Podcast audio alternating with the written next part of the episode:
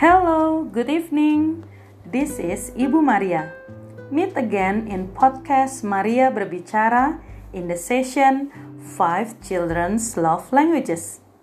What are they? Let's discover together. The first one is affirming words.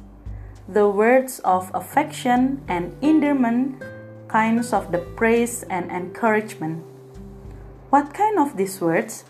For example, I'm so proud of you, my children.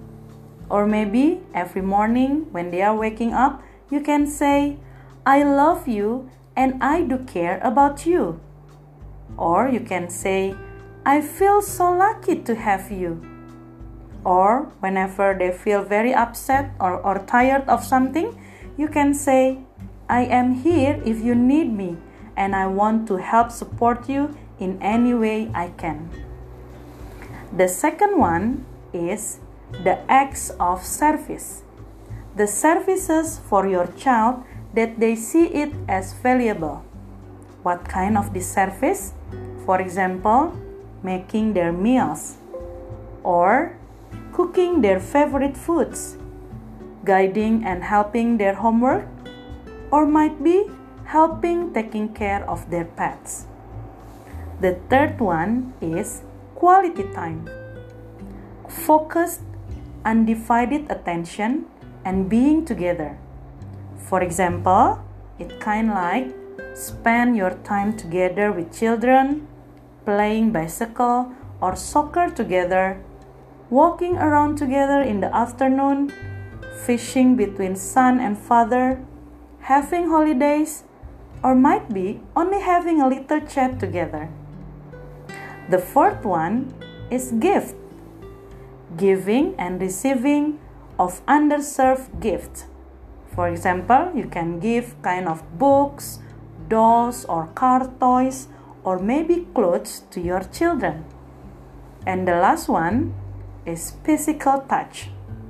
The example of this physical touch like hugs, cuddles, kisses, and pats on the back.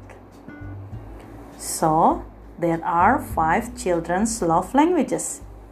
For the first time, we can try all of these love languages to them. And by the time being, we can learn which one has a good impact to your child. By understanding your child's love language, we can give what they need and fulfill their needs of love. That is the most important thing. This can also create a good relationship between parents and children. We need to build this kind of bonding since they were child. And of course, there are a lot of benefits we can take from this, especially for their security feelings and how our children feel that they are very special. This will give a good impact when they are growing up and in their future. So, parents, let's have a try. Find your child's love language. Have a great parenting with your child. May Jesus bless you as always. See you in the next session in podcast Maria Berbicara. Stay healthy and stay happy. Bye.